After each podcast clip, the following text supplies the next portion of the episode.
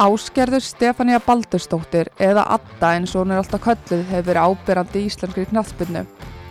Adda sem hóféralinn í breðablík leik sem fyrsta leik með stjörnunni árið 2005. Á þessum 13 árum sínum í stjörnunni vann stjarnan sjö stóra titla. Í haust báruð svo óvænt tíðundi þegar Adda skrifaði undir hjá Val. Við ákveðum að hitta öllu og fara yfir feralinn með henni. Við heitum Hulda Myrdal og Mist Rúnastóttir og þetta er heimaöllurinn.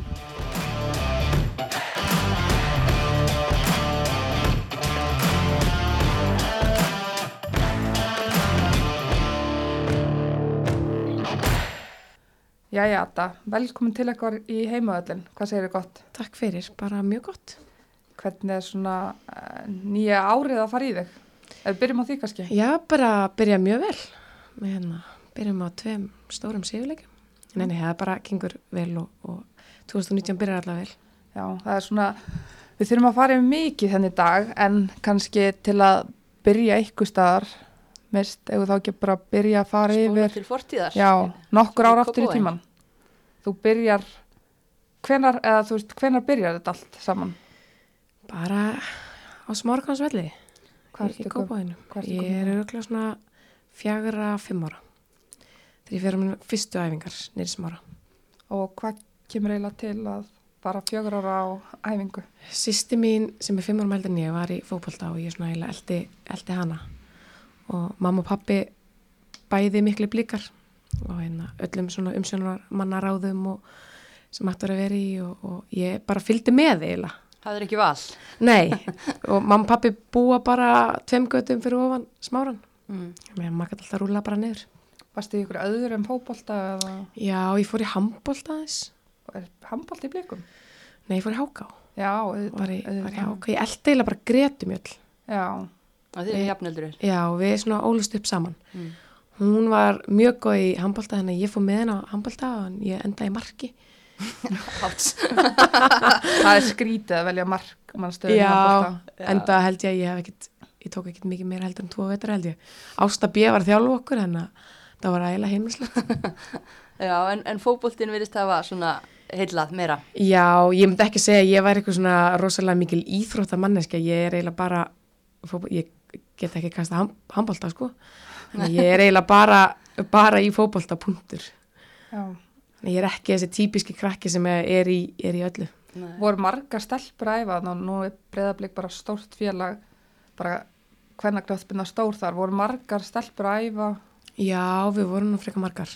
Og í minningunni hjá mér þá, þá æfðum við aldrei með strákum, við vorum bara nógu margar til þess að vera í, í kvennaflokkum. Og það svo margar sem hafa sagt bara svona, það voru ekki til kvennaflokkar en ég, allavega þá þarf einhver að leira þetta mig, hvort það ekki Hákon Sverris hann þarf að leira þetta mig ef, ef, ef þetta er vittlust, en ég held að við höfum bara alltaf verið bara farið upp í 15-17 og, og hérna, verið bara kvenna, kvennaflokkar sko Og voru svona kannski nokkrum skrifum og undan mitt í uppbyggingastarinu blíkar. Já, á þessum tíma. og vorum ágætis kjarni allavega minnargangur og svo fyrir ofan og neðan sem að helst einhvern veginn alltaf að.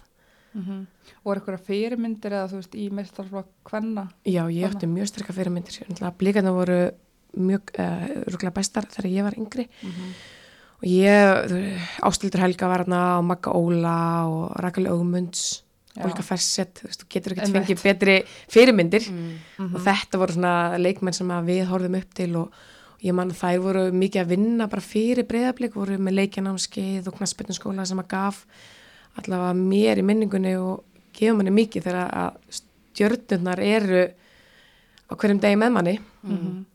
En þú hefur verið svona á, á réttum stað í góðu umhverfi þannig. Ég, það er frábært að alast upp í breyðablík Mm. og, og umgjörn alltaf hefur bara verið miklu betur frá því að ég var lítil en, en umgjörn var samt góð þegar, við, þegar ég var alast upp og, og mikið, þú veist, vel utan um haldi utan um allt og, og fullornins þjálfarar Mm. þannig að, að ég held að sé ekkit margir staðir á Íslandi sem er betra alast upp heldur en, heldur en í góðbóinum En svona hvernig, hvernig leikmaður varstu í yngreflokkunum og, og hvenar svona var þetta að alvöru fyrir þér? Sko ég var öruglega svolítið svipað leikmaður og ég er bara í dag eða svona þannig. Ég, ég var ekkert best og ég náttúrulega eins og ég segi ólst upp með Gretu sem var alltaf best í öllu. Mjög erfitt að alast upp með henni var alltaf í öðru seti og hérna við vorum svona bestu vinkonur. Um, ég var bara svona þessi leikmaður sem að öruglega öskraði mikið og, og, Þú varst með og skap. já, ég var með skap og hérna og er með skap. Já, um, þannig ég, ég var bara svipað leikmaður ég var. Ég var hérna Greta skoraði allir mörkin og, og ég sendi á hana. Svo var líka hérna, leikmenn svo Melgorka Helgadóttir sem var mjög góð og, og þær, þú veist, ég, ég var aldrei í neinu sviðsljósi í breyðablík það var hérna við vorum nú svolítið stó, stóran hóp sem var góður. En eins og í, þú veist, þriðja flokki, hvaða stöðu varst að spila þá? Ég spilaði miðju en svo spilaði ég líka bakvörð Mm. ég spilaði hægri bakvörð uh, í þriðja og öðrum mikið um, hjá Betu, Elisabeth Gunnarsdóttir hún var með okkur í öðrum flokki Mhm. og, og hérna já að þessar tvær stöður hafi ég spilað mest Já. Og ég meina þið voru með gott lið, verðið Íslandsmeistarann í þriðaflokki, eða ekki bæði árin eða hvað? Jú, og að alast upp í breðablík er ótrúlega gott fyrir að mörgu leiti er að ég elst eiginlega uppið bara að vinna allt.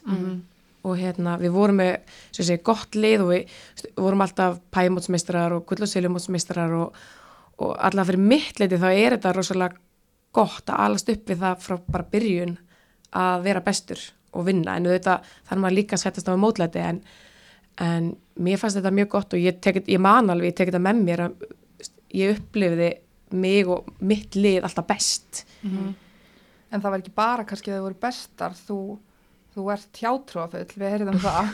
þú hérna, David Beckham, hann var eitthvað með þér. Já, hún kom alltaf í landanum.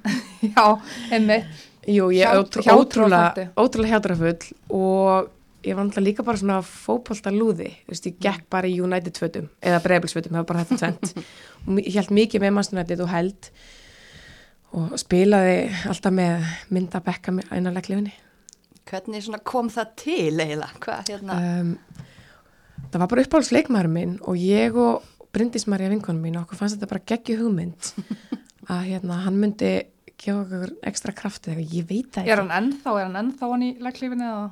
Tók hann í fyrra? Nei, nei, hann er ekki, ég hætti, ég held sko að beta þjálfari hafis bara strýst hausin og tekið þessa mynd og bara burtu með þetta drasl. Þá erum við að tala um í öðrum flokki. Já, já, það er ekkit lengra síðan. nei, ég spilaði með þetta öðrum flokki og, og veist, við áttum alveg margar mismundi myndir af bekkan sem við settum hann undir legglifana. Mm, talandi um, um betu, ég meina hún er náttúrulega líklega okkar færasti þjálfari í dag. Uh, hvernig var að spila fyrir hana? Það var geggjað um, og hún er svona sá þjálfari þótt hún hafi ekki þjálfað mig lengi sem hefur haft hvað mest áhrif á mig Mm.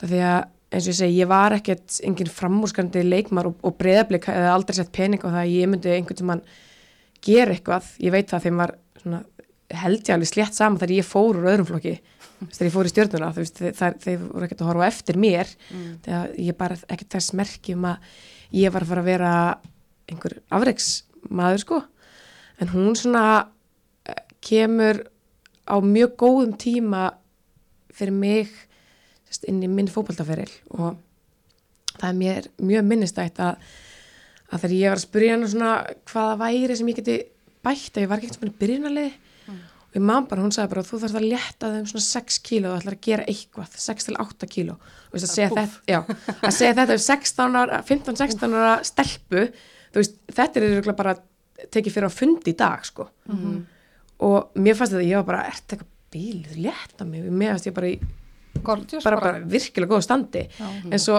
auðvitað 100% rétt hjá henni. Og ég tók þetta ekkert strax til mín.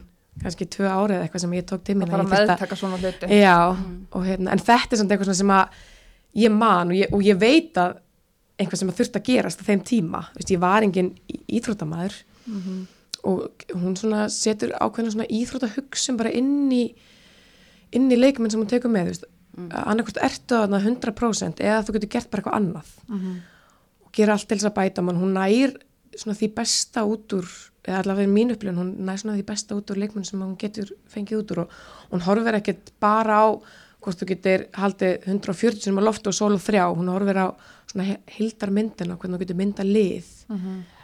hún svona, hún átti rosa stóran þátt í mínum svona fyrstu skrefum í að hugsa um mig sem íþróttamann og, og að ætla eitthvað lengra þá, þá á hún rosa stóran þátt. Mm.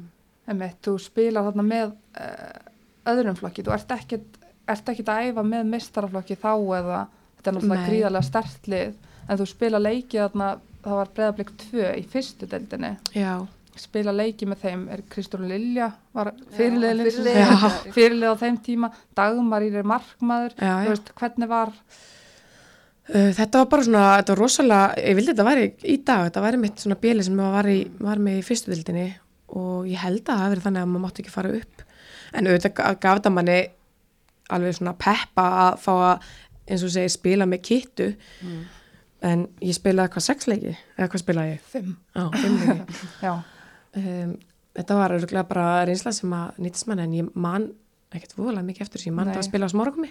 já, einmitt og þú veist, 17 ára þá spilar eitt leik með breyðablik Já. í þá landsbankadeildinni en einmitt, var, hvernig var bara, ég veit ekki hvernig var stemmingin hjá þér á þessum tíma ég meina, eitt leikur og þannig eru jafnaldra þínar Guðrún Erla, Sandra sig, Mhm. Greta Mjöll þær eru farin að spila með meistaraflokki var, varst alltaf ákveðin í að bara gefa allt í þetta þú veist Mm, Já, nei, eiginlega ekki, þú veist, Nei. ég ætla ekki að færa það neitt, sko. Ég hérna, á þessum tíma var, fa- var sem bara gaman í fótbolta og var bara út af félagskapnum og svona og hérna, og mér finnst bara gaman, ég tók þátt í þessum einleikin, auðvitað fannst mér leðilegt að stelpurnar sem voru yngri en ég voru komnar framar en, en ég var samt ekkert, þetta hafði engin áhrif á mig, ég var ekkert mikið að pæli en þarna sem að eftir þetta tímabil þá tekur held ég Ulli við, Já, er það ekki rétt sem mér? jú, Ulli tekur við og, og þú veist, landslæði blíkum er kannski svolítið þannig að, einmitt að þá uppalega átt að fara að treysta á unguleikmenna en síðan einhvern veginn koma önnu skilabóð ofan og það og að, að hérna, Bygg- ná sér já, í ná sér- reynslu og Já, kannski bitnar á ykkur ungu eða hvað. já og það voru keiftir, held ég, Edda Garðars og Ólína komið hana og Guðrún Sóleik og, og mjög gott lið. Og ég man að ég byrjaði að efa með meistarflokki og hérna við vorum eitthvað átnan okkur mæðingum svo voru kvöldlega að fundi á Ulla og hann ætlaði að setja mig aftur niður í annan flokk. Það fór ekkert sérstaklega vel í skapið á á mér, 17 ára á 17 ára öttu sem hafa nýbúin að heyra að hann þurfti að losa sig um nokkuð kíló. Og hérna þá bara svona dvínað áhugin og það var bara annarkvort að ég ætlaði bara að hætta Mm. eða bara, þú veist, vera þarna með eitthvað í öðru flokki. Svo bara kemur allt í einu upp að ég þekki nokkra sem fóru yfir í stjórnuna, Tinna Mark og Anna Margrit sem að Gunnarsdóttir. Mm. sem að spyrja hvort ég vilja koma á æfingu og þetta var annarkvort að hætti fótbolta eða fara yfir í stjórnuna þegar ég þú veist, hafði ekkert brjálega metna og ég var mjög ósáttu úla á þessum tíma að hafa hend stelpunum niður. Ég veit svo sem ekkert hvort ég, ég hefur verið rétt hjá hann Já, en þú tekur hérna stóra ákvörðunum, eitt ferð frá uppbyldisfélaginu, finnst þú ekki vera að fá tækifæri sem þú kannski ætti skilið. Já.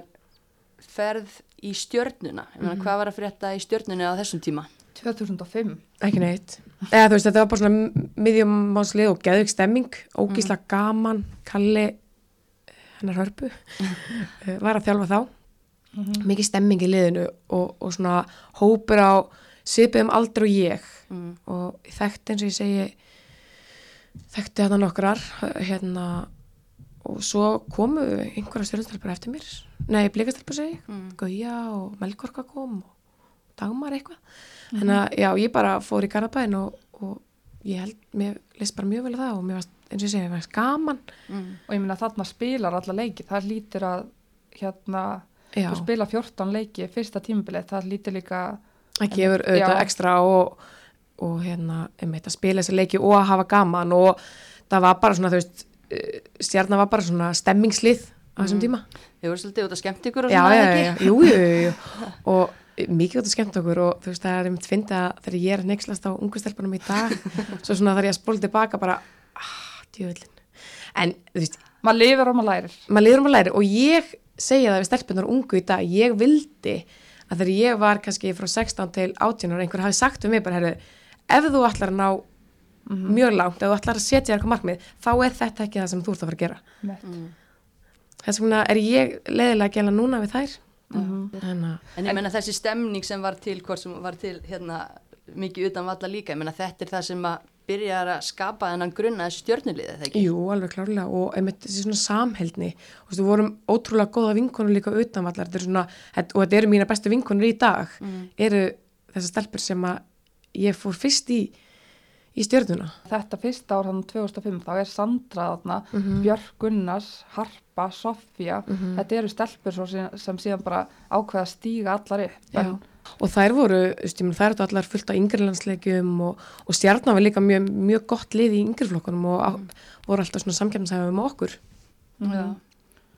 En einmitt, taldi kannski aðeins innskot á yngri landslið að því að þarna er þú hvað, 19 ára, eitthvað svo leiðis, 18-19, ekki búin að spila fyrir 17-19. Var það eitthvað sem var að pyrra þig eða? Já, og gerði það alveg lengi og því að alltaf þegar þú veist, þegar talaði um leikmenn þá er alltaf svona, já, á 35 mm yngri landsleiki.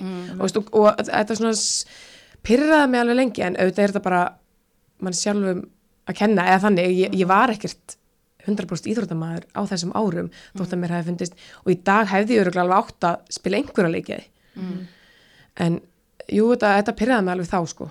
Og hérna, mér fannst það alveg skrítið og auðvitað er alltaf þjálfarum að kenna. Já, já. og ég, Óli Guðbjörns var hann ég, ég bara skjóta á hann svona 10-20 sinnum, hann hafði aldrei valið mjög 19, hann er fengið að heyra senstu fimm ár. Já, en einmitt, svo bara hérna, held, heldur áfram í, í stjörninni, þú ert ánað þarna eftir þetta fyrsta tímabil og það er að skapast þarna einhver stemning og þið fáið þarna, já, Gunnildur Yrsa kemur aftur inn og liðið bara svona einhvern veginn virðist vera að er- styrkjast. Þannig er þessi kjarnallána komin. Þannig að 2006 þá eru þið byrjaðar að rétt sleppu við fall þarna 2005 þegar þú mætir fyrst, svo 2006 þá er það Fjóraðsætið eða ekki?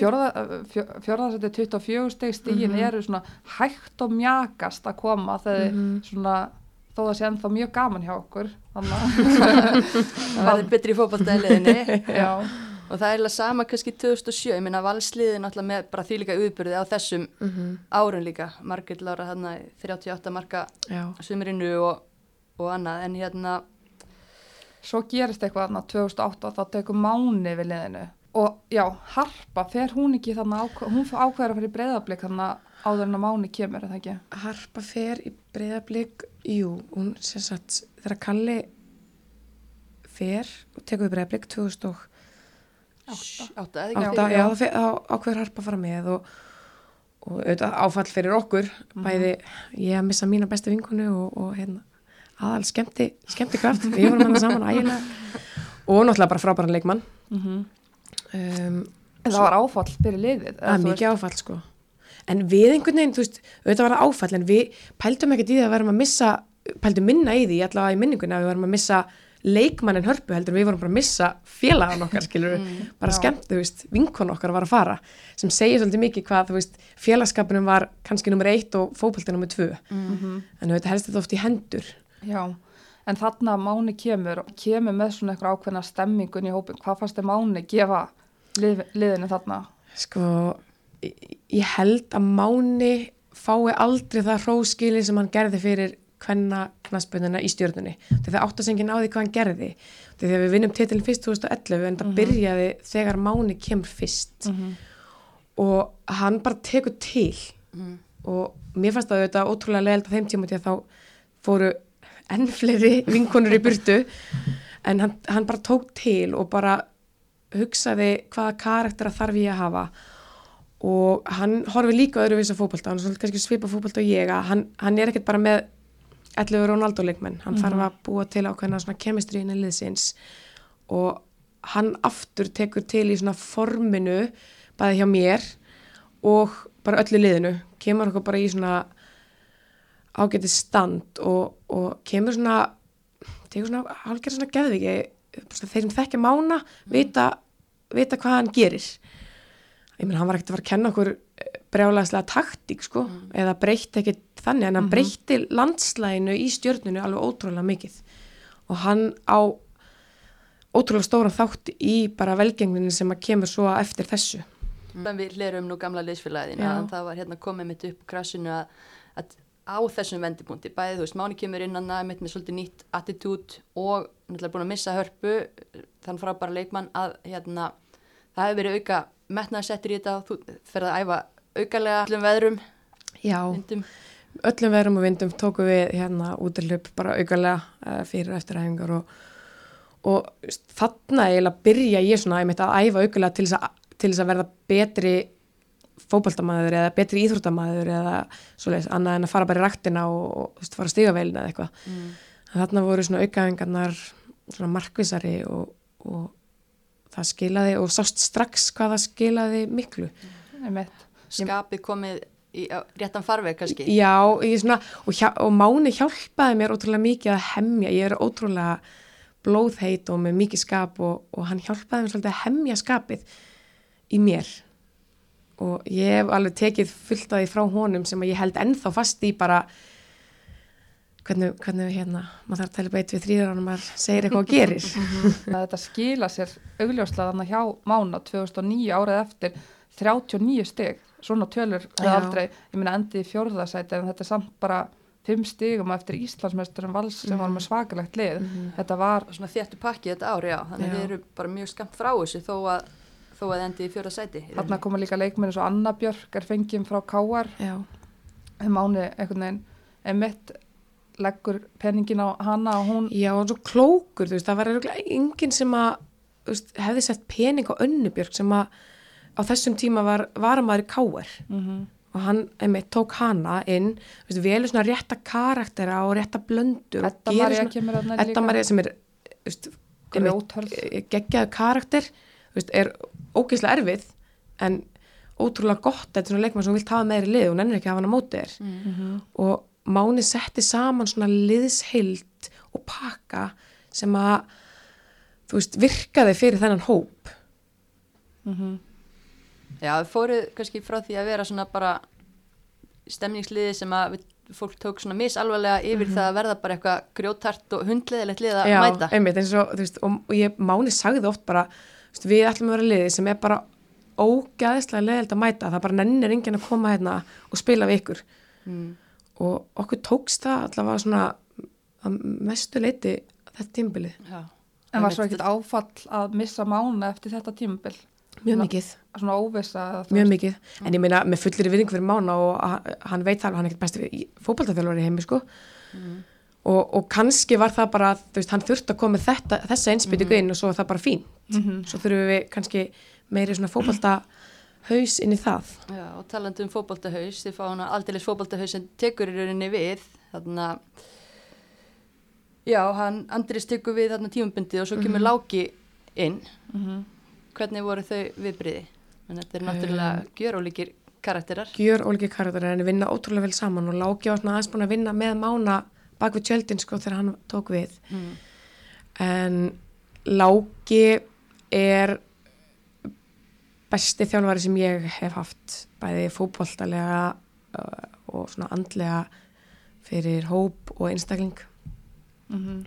og hann bara gjör breytti veist, þetta var svona stigvæksandi mánu að búin að taka andlegu hliðina og, og hreinsa til en Láki er með þann fótbolta heila sem að ég held að fáir séu með. Mm. rosalega pælari og ég hef aldrei spilað undir þjálfara sem að hann rosalega metnaðafullur og vinnusamur.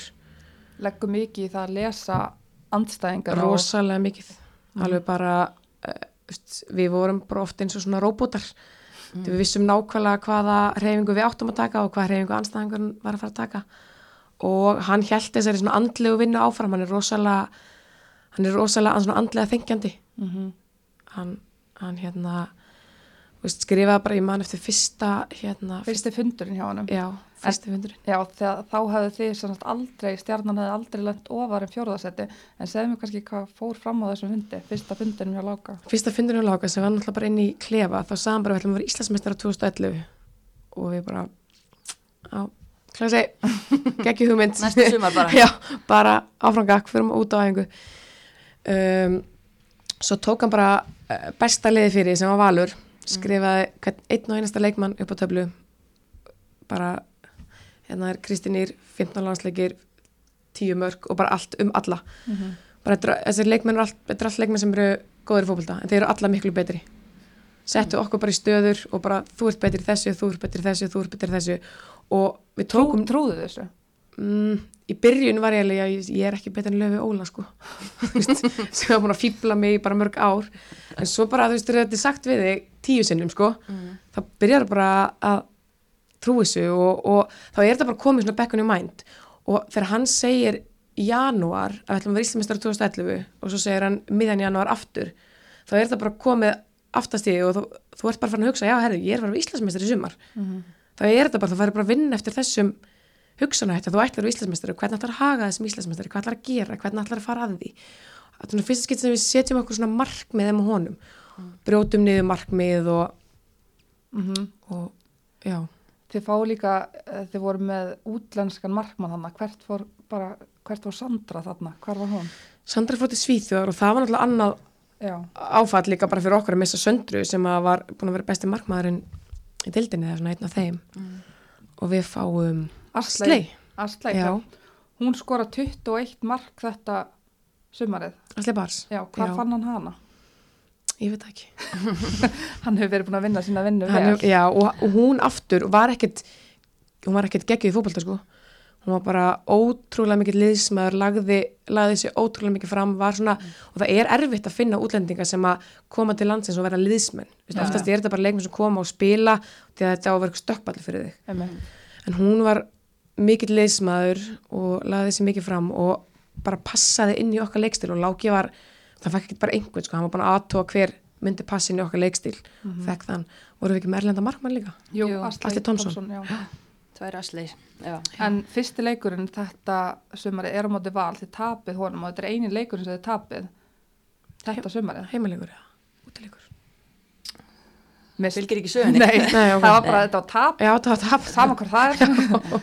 en það, þið vinnið deildina þarna með 51 stíi, hvernig bara, Við Kannski fyrst, Já. eftir fyrstu umferð, þeir eru búin að berja það upp að, að þið getu orðið Íslandsmeistarar, tapið fyrsta leik, ég veit ekki, það hefur greinilega ekki slegið ykkur út af- af Nei, læginu. alls ekki, og við settum okkur alltaf svona þryggja leikja, fjara leikja markmið Mm.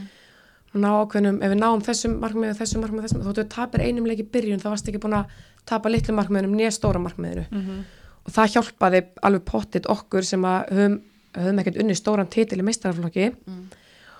Og bara svona trúin að þótt að fyrstileikur sé búin þá eru 17 leikir eftir og ég, ég man að ég misti aldrei trúna og ég einmitt, þegar þú segir það, myndi ég ekki einu svona eftir það að tapa þessum leik.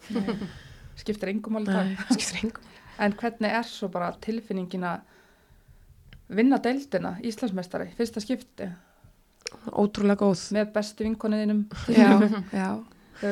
við fengum náttúrulega hörpuðan á miður tímabili já, sem var að koma á batningnum Mhm. og mér fannst það uh, mjög gaman að fá hana tilbaka á þessum tímabúndi og hún kem inn í stjörnuna þegar við varum að stígu upp. Mm og m- veist, fyrir mér þótt að mér finnist æðislega að hafa alveg upp í breyðablík að, að það fannst mér ég þarna að vera að vinna titil með mínum klúb -hmm. veist, og ég átti þetta var svo mikil vinna sem við vorum búin að leggja á okkur að vinna þennan titil og þetta var svo það að vera svo langt markmið og, og hérna og smá svona sjokka þegar sláki kemur og segir þetta var Íslandsmeistar þá er þetta svo, þetta er svo, svo langsótt. Þannig að þetta er, það var ótrúlega sætt og ég hef sagt aður, ég held að þetta sé sætasti titillin á samt svo 2016 titlinum. Einmitt, þetta er búið að þólumæði, 2005, Já. hérna, svo 2011 þá, þá þá, þá þetta. kemur það, já og, og með bara svo mikilli vinnu og líka bara með sama hóp, það voru engar stóra breytingar, þetta er bara kjarnin sama, og ég, ef man rétt þá vorum við kannski með einn landsleismann mestalagi tvo á þessum tíma, við vorum ekki við vorum ekki með bestu fótbollakonur landsins, við vorum bara með rosalega samheldin hóp sem að var að fara í þess að sömu átt. Þess vegna var þetta líka svona sætt að um þetta fara úr þriða fjórðarsæti í að vera Íslandsmeistur. Og þú veist, maður sér það ekkert í kvennabolta eða sá það ekki í kvennabolta á þessum tíma þá var þetta bara oftast reysarni Valur og Káer breyðablik sem voru búin að eiga þetta svo allt í henni komið við inn í þetta svona óvænt og það gerir þetta svona ennþá sætara. Einmitt, svo kemur hérna næsta ára, þá reynda að koma, kemur annar lið óvart og þó er Káa vinnu deildina. um, hvernig svona var að reyna inn í það tímabil og reyna að verja, verja titil? það var mjög erfitt en á þessum tíma þá held maður að þetta væri bara, væri ekki svona erfitt. Og við værim bara, núna væri varna góðar og það væri bara, við værim bara það góðar, þyrftum þá ekki að leggja þetta, þetta 10% auka, 5% auka sem að, við höfum gert 2011 og ég man að við töluðum um á þessum tíma að þá gerðum við bara ekki nóg. Það er ekkert eitthvað, þú ert ekkert óöfn, þú bara gerðir ekki nóg. Mm. en það var ótrúlega stert fyrir okkur og félagið að hafa náð í byggarinn þarna. Og ég man að lági sagði að við með á miður tímbili bara að þetta tímbili eru við svolítið svona sprettlöpslið. Já, og, og hérna sem við vorum, við vorum áttum ótrúlega góða leik í byggarnum en, en vorum í aðeins bara að sjá og það er alltaf þannig að liðin vilja vinna Íslandsmeistarana. Mhm.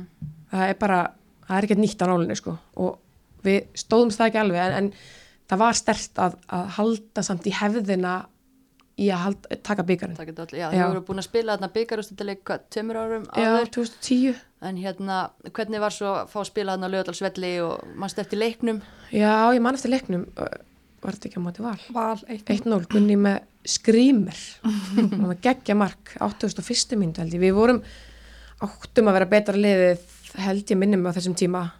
Um, og það var gaman, þetta er, þetta er allt öruvis að vinna byggar eða vinna íslensmyndatil, það er bara allt, allt annað. Og fyrst skipti þarna að vinna byggarinn okkur fannst það bara jafn stórt og er náttúrulega stórt en okkur fannst það jafn stórt og að vinna íslensmyndatil, það var fyrst skipti sem að stjarnan félagið ef ég, já, vann byggarinn það er risa moment í Garabæ risa moment í Garðabæ. Og eins og ég segja haldi þessu held þessari sigur hefð áfram. Og því að það er alveg líka veist, að vinna eitt titil og svo bara ekkert meir. Það, er- það er erfitt að halda því gangandi sko. Já, En þarna, þarna Gunnhildur Issa fyrirliði, Sandra held ég búin að vera, var Sandra ekki fyrirliði? Sandra var fyrirlega hún fór Já. út og svo tekur Gunni við fyrirlega stöðunni kom aldrei til greina að þú tæki bara bandið. Jú, og ég man ég var mjög pyrrð út í láka að hafa ekki látið mig fá bandi en hérna það er ekkert bara eitt fyrirlið ég var ekkert minni, minni karakter en minni fyrirlið þótt ég var ekki með guðla bandið. Gunni var líka frábær fyrirlið bara á allt örum annan hátt. Og þetta gaf henni mér lági mjög klókur að gera Gunni á fyrirlega þessum tíma. Þetta hjálpaði henni rosalega mikið. Og það gaf mér ekkert ekstra þótt ég væri með, væri með band. Ég, við vorum samt saman í þessu og ég hjálpaði henni mikið og hún hjálpaði mér. Já, en aftur á, fór skapið hans með mig og ég var reyði út í láka. En, en svo bara hérna uh, já ég var að vara fyrirlið hjá henni þá já.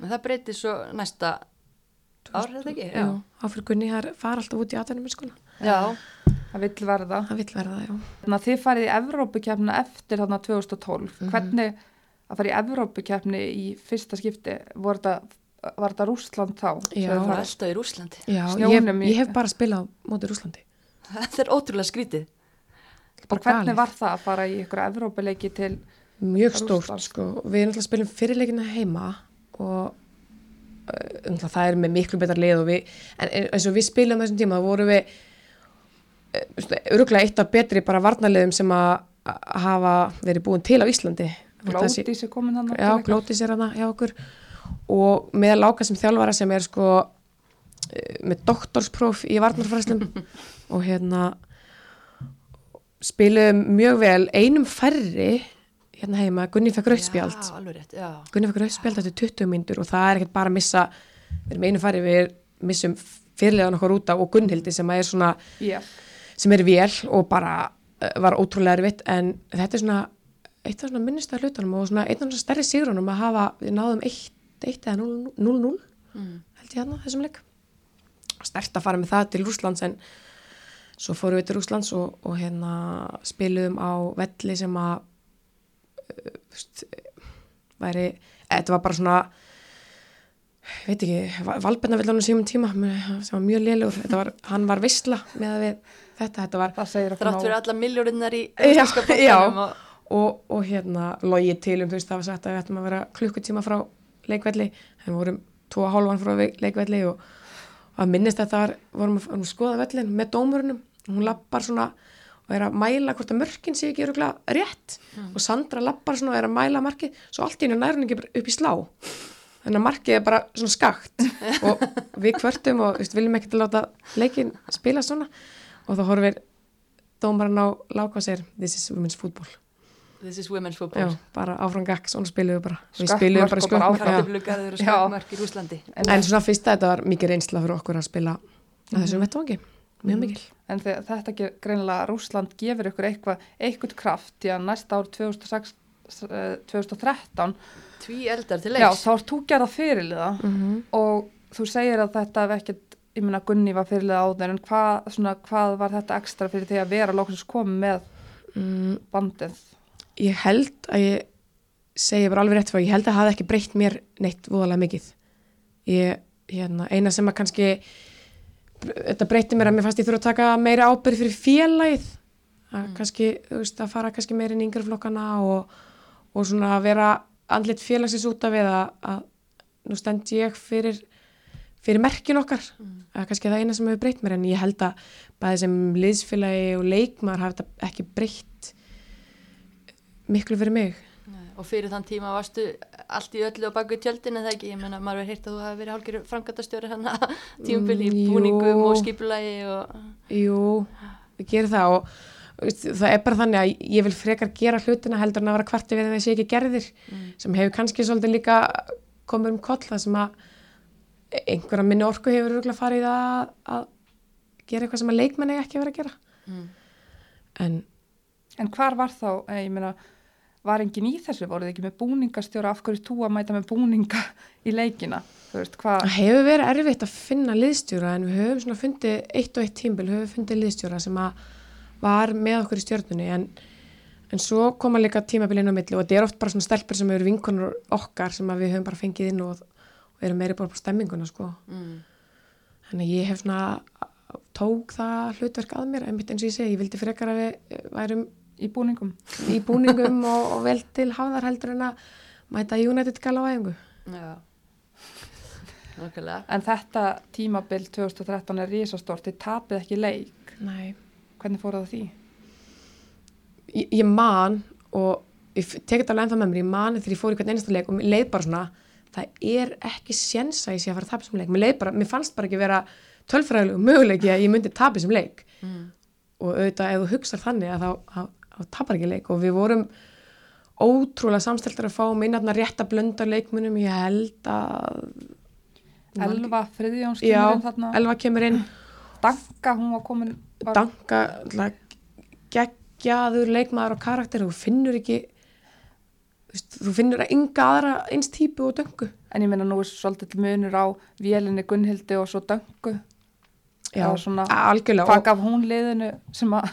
hún gaf liðinu nefnilega bara allt annan vingil og það svona þú veist hjálpa okkur líka, við vorum ekki eins og, og, og hérna ári áður. Hún, hún eftirminni setning sem hún sagði við mig einu svona Ada, you run, I score. Og sem var alveg því að þetta var satt. Ég gerði ekkert annað að hlaupa og hún bara dritaði mörgum með góða berbútt og þrjá kílómetra á bakinu sko. Emmett, þetta er svona nafn- Íslenski, já Já, Hún var ekkit að hlaupin í liftingasalinn, er það nokkuð fyrir æfingar? Nei, hún gerði það ekki og, og, og ég segi alltaf fræði, hún hérna vorum að klína einu svona inn í liftingasæl og hún var að klína með kússkaft Hún hefði ekki trú á Æðislegt þessu. moment, sko. Hún hefði ekki trú á að liftingar geti eitthvað gert fyrir... Nei, henni fannst liftingar hæja á sér sem er eiginlega ótrúlega út, hún var ekki röð. Kannski á getur hún hélt sér við sömu formúlu sem bara virkaði bara. Já, og- og... og bara með svona spytnugetu og, og svona hæfileika löppanu sem að fáir eru með sko. Mér finnst ótrúlega gaman að spila með henni og gott að spila með henni og Láki líka bara aftur kemur að því hvað hann er klókur þjálfar hann, hann bara spilaði upp á hennar styrkleika. Hún gaf liðun alveg ótrúlega mikið og þá leta hann bara mig og elfu eða mig og einhvern hlaupa fyrir aftan veist, ég, ég er góði því. Þannig að veist, þá spilaði hann bara inn okkar styrkleikum og, og aftur átkutsaði hann. Röglega flesta þjálfari deildinni bara með því að, að leggja upp leikina. Það var oft sem að hann gerði einhverja skiptingar, ég menna að setja oft miðjumar á kant og ég bara, hvað er að gera? Svo bara skoraði leikmaðurinn sem kom, veist, gerði bara svona taktiskar breytingar sem að fáur gera og hann er bara by far besti þjálfari sem ég hef haft í svona lesa leikin í leik. Og það er ekkert að marg- bregðast við. já, fljótur að bregðast við.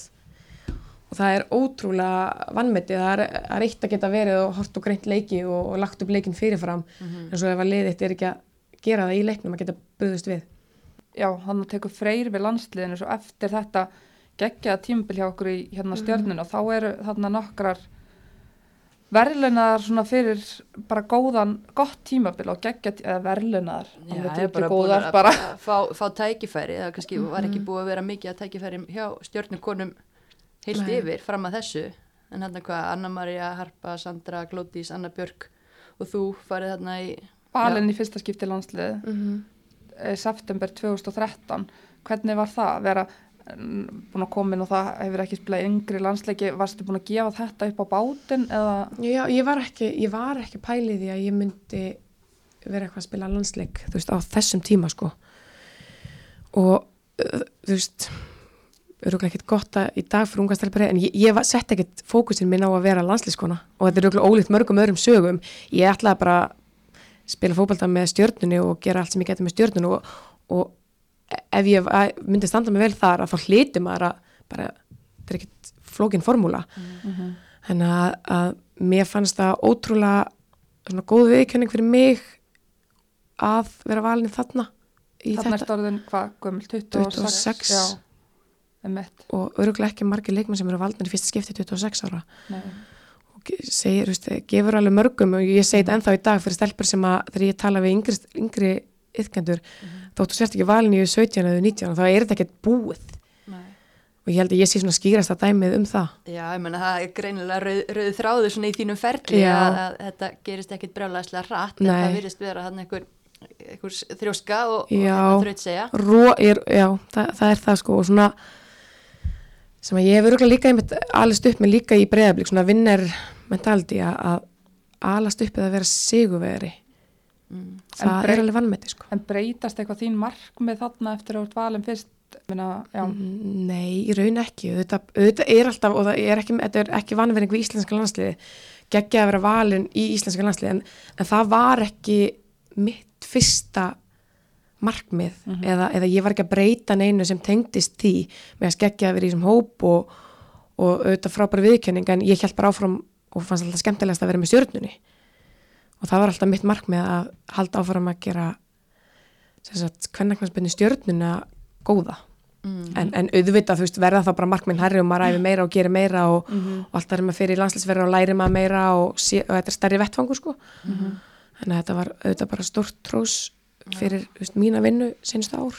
Spilar fyrsta landsleiki en það er ekkit hérna, engir aukvissar sem að hérna, fara að mæta þá, er ekki Þískaland Þískaland 6-0 tap Algarve, þá eru þá eru við komin inn í 2014 Mhm. en eins og ég sagði, þú veist, verðlunar fyrir góða framistöð, þarna eru þú og Sofía báða búin að spila frábælega í stjörnunni, báðar í byrjunarliðinu þarna Mhm. og þetta, ef maður skoðar byrjunarliði þarna, þá er minna, Gugga er þarna, Elísa, Glótis, Annabjörg, svo spila þú að miðjunu með Dagný og Sörubjörg, Mhm. þetta var og Rakel og Hallberga og þú veist, þetta er ekkit eitthvað djóklið, Nei, nei, Freyr hafði greinilega trú á þér og já, hann gerði það. Annars hefði hann ekkert og gerði það okkur alltaf ljóst að því, þú ert ekkert valinn bara út af því að þú ert í besta liðinu.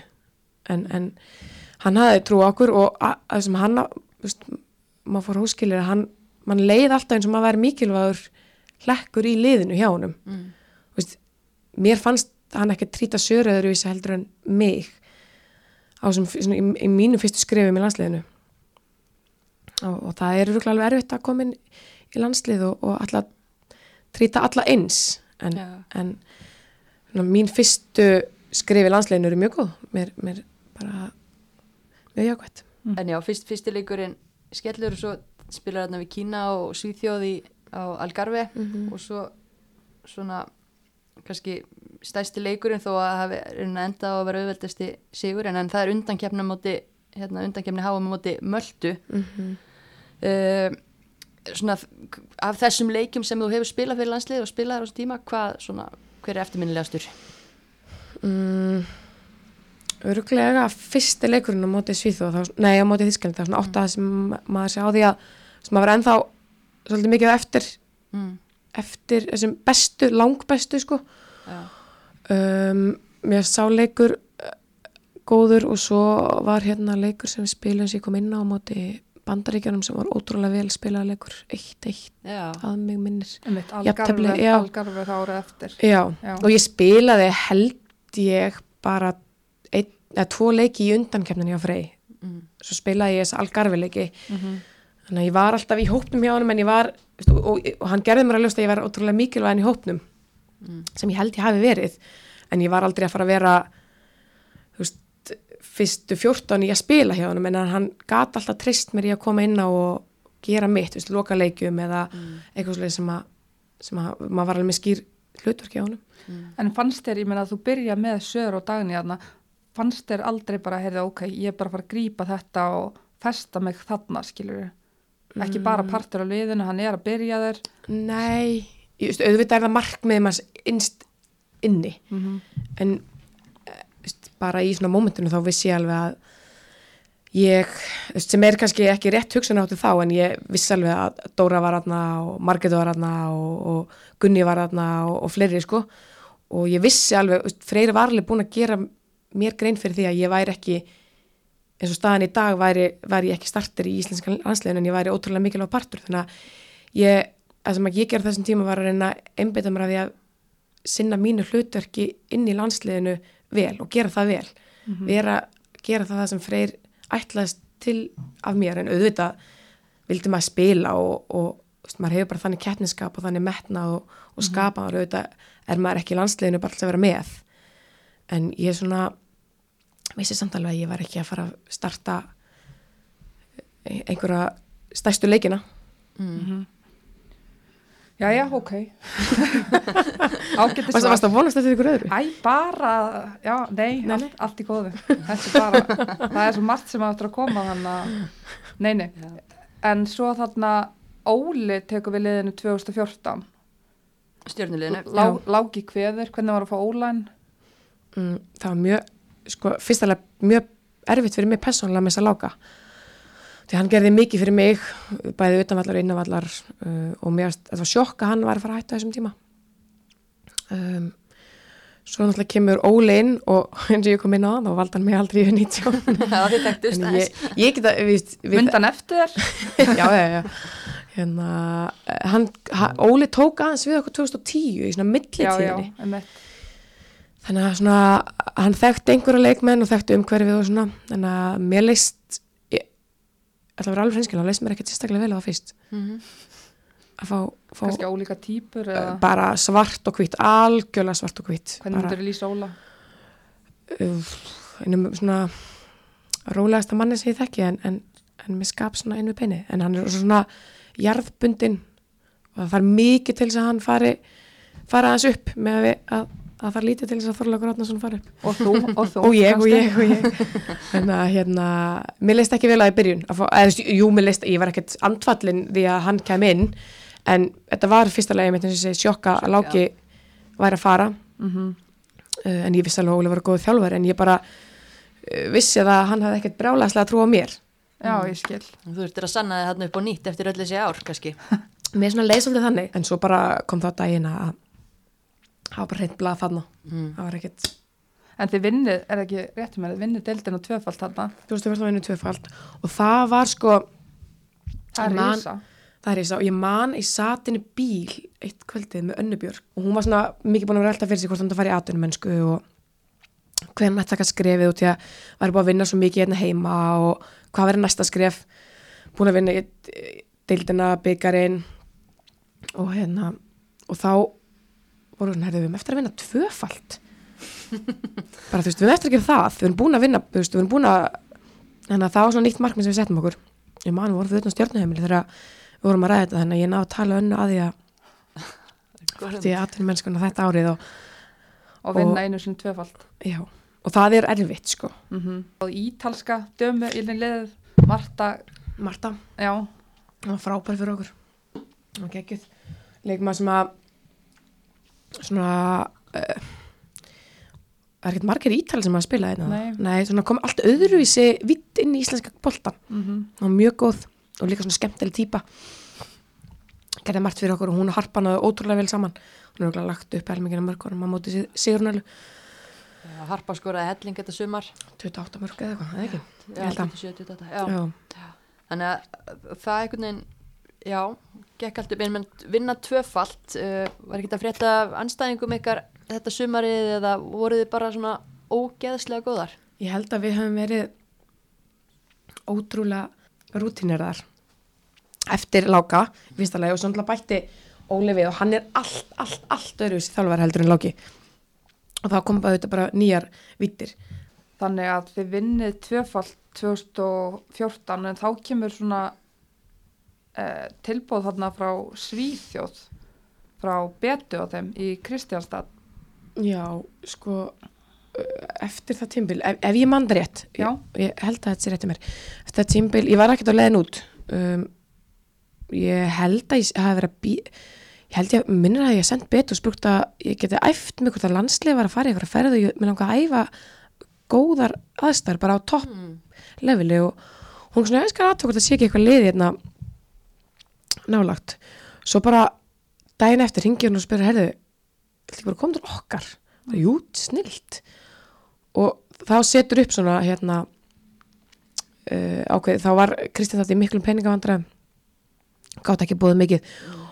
Og hún byði mig býði mig svona træjal samning eiginlega að, að hérna fá samning þanga til að háum glugginn. að liði fyrir háum Mhm. og mér varst það ágætt hugmynd en svo fer ég með það inn í stjórnuna og við sætumst á það að ég fari til Kristjánstad og spili fram að móti hjá okkur. Mótinu þá 2015. Já, þá var sérst Kristjánstad búið að vera í smá miðjumannsvesinni það voru með, ung stelpa var búin að lenda í veikindum og meðslum sem að var bara að vinna sinn og ég átti bara að koma og spila þangað til að þær yrðu klárar Mm.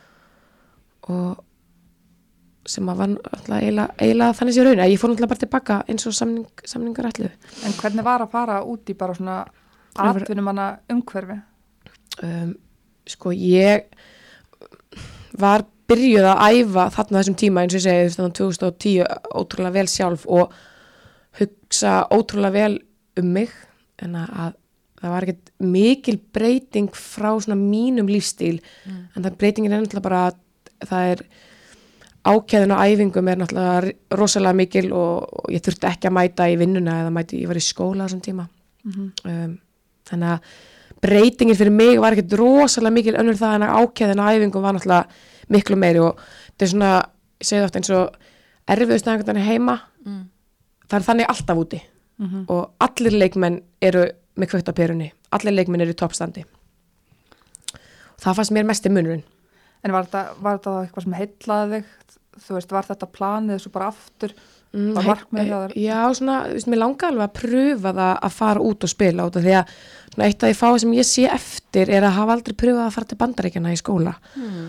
og að svona fá eitthvað svona bara nýtt en að ég var alltaf með svona aðeins í bakhundinu að mér langaði að pröfa að fara út en svo þorðum maður einhvern veginn ekki að setja það Mm Ég skil. en að hérna En þú komst bara heim þarna eftir þér, hvernig fannst þér að byrja að spila í Pepsi-deildin aftur? mm, mér fannst það bara gaman og þú veist, auðvitað var alveg munur úr að mæta landsleismennum í hverju stöðu úti en svo hérna heima í, mesti munurinn er bara líkamlegt atgerfi leikmanna að úti eru, eru allir leikmenn í, í toppstandi og ég, minn styrklegi hefur alltaf verið að hlaupa, geta hlaupið endalaust og, verið í góðu standi. Og svo þegar ég kom út að þá var ég kannski bara svona ég var svona fyrir ofan meðalag í liðinu. En ég var aldrei best eins og ég eh, hafði oftast verið í, karab, í stjórnunni a, en að ég fann mun þegar ég kom aftur í Pepsi að spila þannig. En hvað hva ætli valdi því að því að það er alltaf verið að rósa íslensku leikmennum fyrir hugafar og þetta killer passion og svona, hverju eru við ekki betra líkanlega standi? Ég- Þetta er eitthvað sem ætti að vera auðveldara að vinna með heldur margt annað. Já, ég held að það sé líka bara svolítið svona og er vond að koma núna svona smá vitund og þekking á styrtaþjálfun og, og mataræði og hugsa um sig. Ég held að ótrúlega mikið af ungum leikmönnum haldi að þeir sé að hugsa ótrúlega vel um sig en í raun er þeir ekki að því. Veist, Ert að borða nógu mikið, að, ert að æfa rétt, þegar þú ferð á aukaæfingu, ert að æfa því sem þú ert langbæst í eða ert að æfa veikleikana þína, ertu, þú veist, ert að taka aukaæfinguna til þess að verða betri í einhverju eða er þetta bara til að segjast að það verið aukaæfingu. Ég held að munurinn liggja svolítið þar. Já. og þarna úti var Kristján með uh, styrtaþjálfara. Og það er líka svolítið nýtt sem er koma inn í, inn í okkur að, liður um ekki styrtaþjálfara. Já, og ég vona að næsta árum sé það að skil okkur lengra. En við sjáum það alveg á bæði alansliður okkar og yngirlandsliðum og bara þegar við förum inn í, í Evropakefnina, við erum ekki að mattsa líkamlegt fórum eða allavega ekki allir leikmenn, það eru einn og einn leikmenn sem að ná að mattsa þetta. En við erum ekki allar á þessum stað. Þess vegna eh, að mínum að erum við ekki að ná lengra. Svo því við höfum þetta hugafar og við höfum til dæmis miklu betra hugafar heldur en svíin það er svona meðalmennskan og það er má helst enginn skara fram úr. En í Kristjandad var náttúrulega mikið íslendingum þannig að beta er búin að var búin að innlega íslenskt hugafar inn í, inn í svíjan sko. Já, já þetta, er, þetta er áhugavert. En já. Ég held að þetta sé að þú veist að ég held að margir leikmenn haldi að þeir sé að gera miklu meira en þeir actually er að gera. Og þú veist ég hugsa bara já ég fekk með bara salat í hátæðinu en, var það nóg, þú veist að æfa tvisar á dag er þetta næra það rétt? Kannski eitthvað sem það er að hamra á við yngri flokka þjálfara? Já, ég held að og líka bara svona styrta þjálfun í yngri flokkonum og hvernig erum við að æfa, erum við, þú veist ég meina þegar maður horfir á 17 leiðan okkar þá eru þau oft, við erum oft ekki einn sterkar líkamlega þetta er eitthvað sem við megum skoða já, við, hérna, í þá eftir. Já, klárlega En já, hvert eru við komnar? við erum bara nálgast nútíðana sko hérna, en 2015 þá er er það ekki, er ekki Skora sex mörg. eftir, eftir Já, Kristjánstad hvað skora gerist þar? mörk. Hverju fer að skora svona? herru ég, ég þar er ég að spila með Lára Kristinn á miðju og hún var þá á þessum tíma svona holding midfielder Mm. og ég fekk aðeins mér frálsræði og fekk að ég var svona, ég var box leikmaður þá hjá Óla og það var bara mjög gaman Þið fá tvær brasilískar. þá var tvær brasilískar, já Hvernig mjög var- skemmtilega típur, Já. virkilega skemmtilega típur Tala- töluðu enga ennsku þannig að það var erfitt að spila með, þú veist, fyrir mig sem að tala mikið hérna á miðju að spila með Fran sem að var, sérst, fyrir framann mig og Láru Mm. það var mjög erfitt, en mjög góður í fótbolta Talið við bara portugalsku eða hvað? mm, mei, meira svona handarhefingum og látbræði einhvern veginn en svo hérna kendu við þeim hægri og vinstri og þar var farin að læra það svo er þetta bara svona góðir leikminni fótbolta Mm. þannig að þær gáðu okkur Teknískar. mikið já, en þær gáðu okkur ekki eins mikið og, og maður svona veist, ég meina á blöðunum var þetta allavega Polly var brasilískur byrjunleisleikmaður Mhm. og maður hefði haldið að hún þær voru í vesinni með þetta líkamlega Spila bara öðruvísi fótbolta. já, allt öruvísi Það er svona Allt gaman öðruvísi. að fá smá samba í, Garabæi Já, það var og það er, óge, það er mjög góðir leikmenn, tæknilega frábæri leikmenn. mm. En aftur þá hefur stjarnan aldrei verið Sambalið. sambalið, einmitt, nákvæmlega, vel orðað. Við höfum bara verið þessir, með góða fótballtamenn en, en oftast komist áfram á bara hugafari og, og Mhm, þessu svona killer mentality, sko. Já. einmitt. En ykkur tekst ekki að hérna, vinna titilin þetta sumar en verði byggameistarar aftur Mhm. vinni Selfoss aftur Mm -hmm. 2-1, Er ykkur mu- fannst þér ykkur munur að spila hérna eða vinna setni byggartitilin? Já, mér finnst miklu meiri pressa á okkur þá, þá voru við orðið svona sérs að hlið og ég man að ég ætlaði mér ekki fara gegnum tímabil tittalaus, mér fannst það alveg hræðileg tilhugsun og því að á þessum tíma voru við held ég langt, e- eða svona þokkalega langt eftir breyðablik, eða svona þú veist þetta voru raunhæður möguleika voru ekki stöðinni og við vorum 1-0 undir á 8000 og hvað, 8000 myndu? Já, á móti, á móti Selfossi og, mann lítið baka ég bara tíu mínútur bara leit upp í stúku, garbaðingar ég bara shit, við verðum mm. við förum ekki gegnum þetta tíum við verðum að vinna titil. Og skorum tvö. Þetta var uh, mjög sætt. Uh, mér fannst þessi byggar sætar heldur en byggarna undan 2000, eða 2000, fyrsti, Jafnari leikur. já, jafnari leikur og, og, og, ó, mjög góðu selfhóðslið Mhm. og ég hef alltaf verið mjög impressed af, af Selfossi. Bara bæði hvernig þið byggja upp hvernaboltan og, og hvernig þið spila þannig að það var skemmtileg leikir. En mér varst þetta svona sætasti byggar sigurinn var þótt að fyrsti er náttúrulega alltaf svona eftirmiljón það var sem er þetta svona sætasti líka ég myndi ljósa þess að við erum ennþá að halda sigugöngu stjórnunar áfram við erum ennþá að safna inn titlum þótt við séum ekki að verða Íslandsmestrar já, En það gerist í þannig fjórðaskipti 2016. já, Þá er þið líka komið með svona Donna Kay kemur þannig. mm -hmm. það er nú Og léttu samba í henni léttu saman bæði henni hvað var þeim hana? Hvað er hún í dag? hún er bara í bandaríkan Og hérna Berglind Trund er komin í marki þarna. mm -hmm. Sandra fer í val þarna eða ekki jú, Þórdi Sönn, Katrin Áspjörs Það er svona þess að, já, nýnöfna að Já. stipla sér svolítið inn hérna. Agla Marja kemur upp þarna líka já og þarna fáum við aftur rétta leikmenn inn í leikmannhópun okkar Mm. um, fáum leikmenn sem að Katrin til dæmis aft með okkur svolítið áður þegar hún var á Akureyri þá fekk hún að æfa með okkur í bænum og þekkti svona kúltúrin hjá okkur. Og Berglind var búin að æfa með okkur lengi frábæra markmaður. Um, og mér, mér finnst svolítið stert fyrir stjörnuna að í gegnum alla þessa séu göngu þá höfum við okkur einasta ári að ég held mist stóran leikmann. Mm. Með þessum Gunnhildi, með þessum Glótsi Berlu, með þessum Önnu Björk, þetta er alltaf risastórir leikmenn sem að, sem að detta út hjá okkur, en við náum samt alltaf að halda þessum standard en fáum aldrei inn einhver Mhm. Þú veist, við höfum ekki verið þekkt fyrir að, að fá inn bita sem komað utan eða, eða eitthvað svoleiðis. Þannig að þarna fáum við inn rétt að blöndu. Þórdís kemur reyndar úr fyrstu tildin svíþu þarna. Já, og, og hérna og já rosalega, ég man við vorum ótrúlega hungraðar eftir að hafa tapað titlinum 2015 ég hef aldrei held ég verið eins hungruð í titil eins og, eins og þarna. Þarna var þetta líka tæft. Eða, tæft, já. Var mjög tæft. Þeir eru með 44 stig og næstu lið með Valur og Þór Káa með 39 mm en hérna, þetta gekk allt upp. Já, þetta var, þetta var svakal tímbil og ég held að átti sér enginn að eiginlega hversu mikið afreg þetta er vegna þess að á tímabilinu missum við út hvern leikmannin og fætur öðrum. Já, einmitt. Í meðsli eða batnegnir, Harpa var það ólétt hana Mhm. um, Spilaði ólétt lengi. spilaði eftirminnilega ólétt lengi.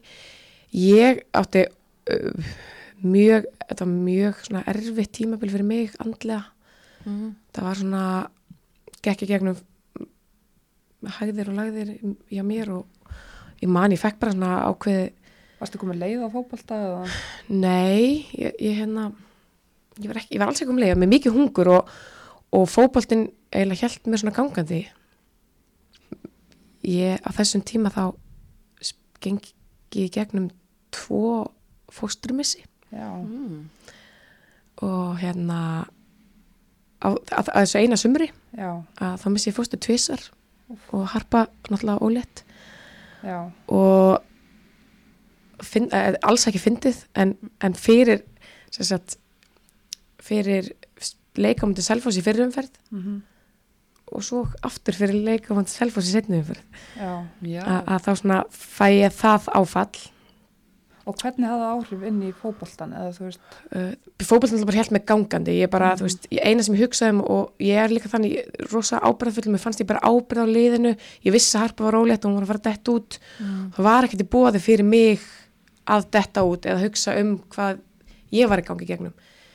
Að þetta var bara ég þurfti bara að performa og, og þetta var ótrúlega erfitt. En á sama tíma um, eitt svona, svona lærdomsríkari svona köplum í svona mínu lífi og mjög stolt af þessu tímabil og ég man sko eftir, ég, ég fekk svona ákveðið spennufall eftir tímabil þegar við vorum búin að tryggja okkur.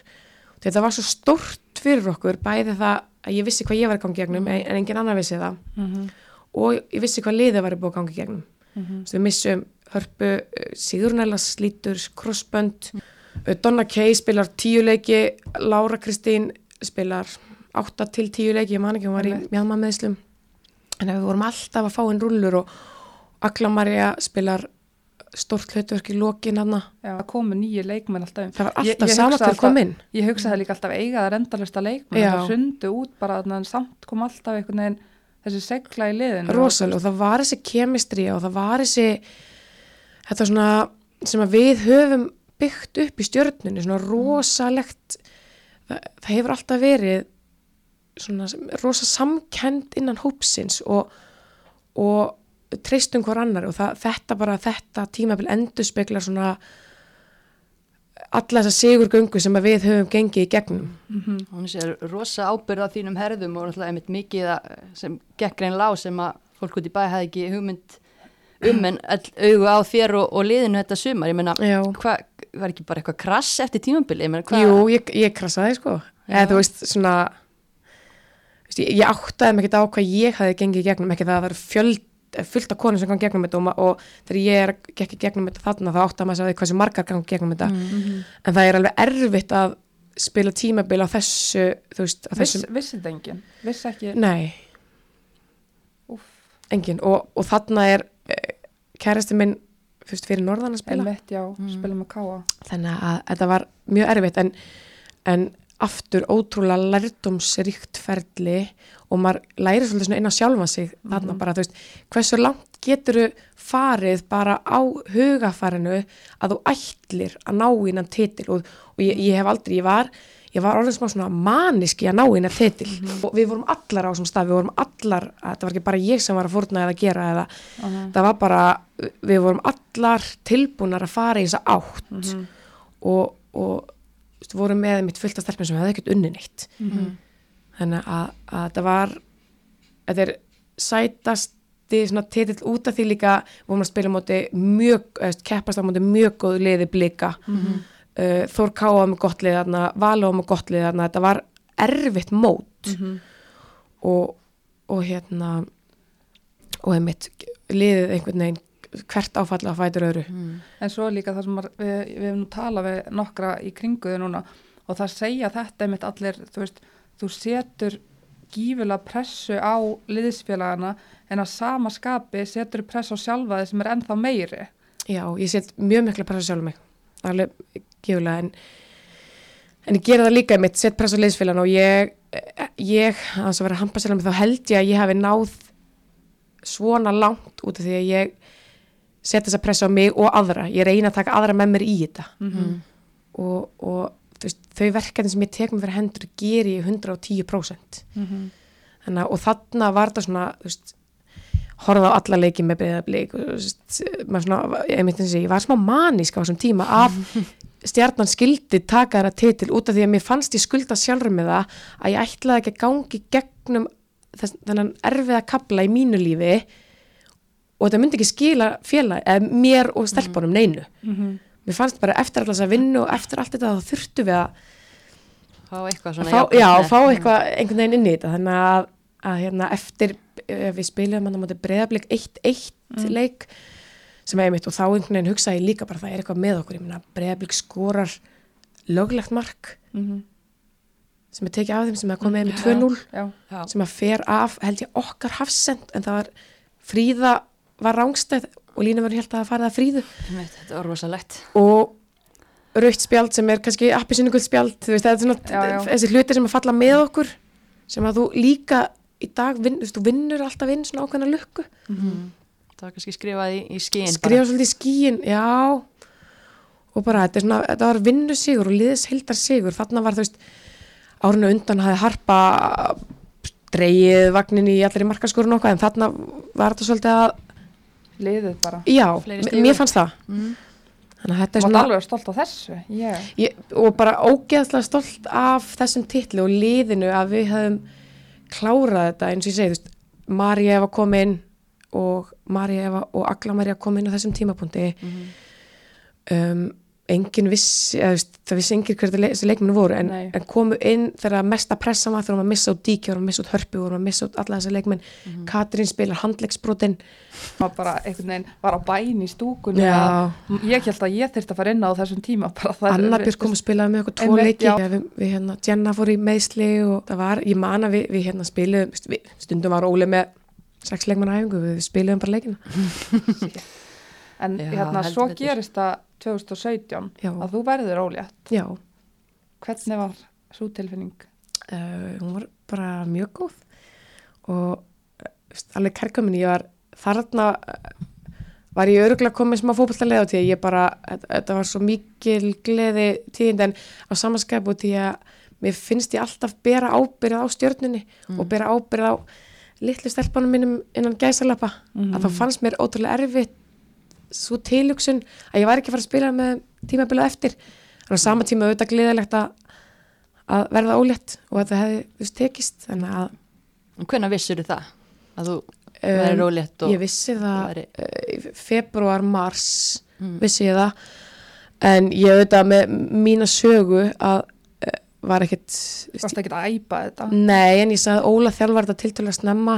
Og þessum tíma vildi ég að þeir myndu vita hvort þeir ætlu að kaupa miðumann eða hvað, veist, gera eitthvað ráðstafanir. Mér varst það svona, ég sagði Óla þetta snemma. Og ég treysti honum líka fyrir því. Og að hann er svona maður sem að, maður getur treyst fyrir öllu. Mm Þú varst nú ekkit langt undan, þú varst alltaf þarna í kring Já, ekki ég var í svona- þjálfara teimist las ekki þetta er erfitt að og þarna ma- átta ég má því að ég held að verða erfitt að vera spilandi þjálfari. Mm. það er erfitt að fara allt í unni úr því að verða fyrirliði og ég allt í unni að fara alltaf að vera ykkur þjálfari. Og eftir á þá hefur voru það mistök sem ég myndi ekki gera það í dag að gera það aftur.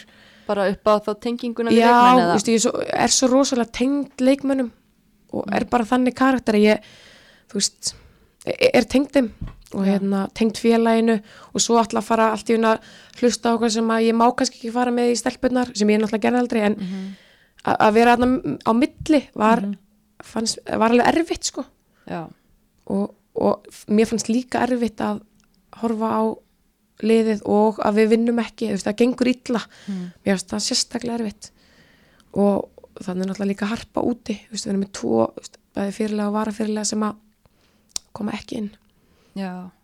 Einmitt, hvernig, þú veist, þú fylgist með þessu öllu saman og þetta er erfitt, en hvað fannst þér, þú veist, var eitthvað sem að hefði, þið geti gert betur félagið, annað, þú veist, eða, eða var þetta bara tímapunkt sem þurft að koma? Já, þetta var bara svona moment og, og þú veist, Óli var alveg meðvitaður um þetta, meðvitaður um að vantaði eitthvað, það er bara svo erfitt að setja, eitthvað puttan á það, hvað vantar Mm.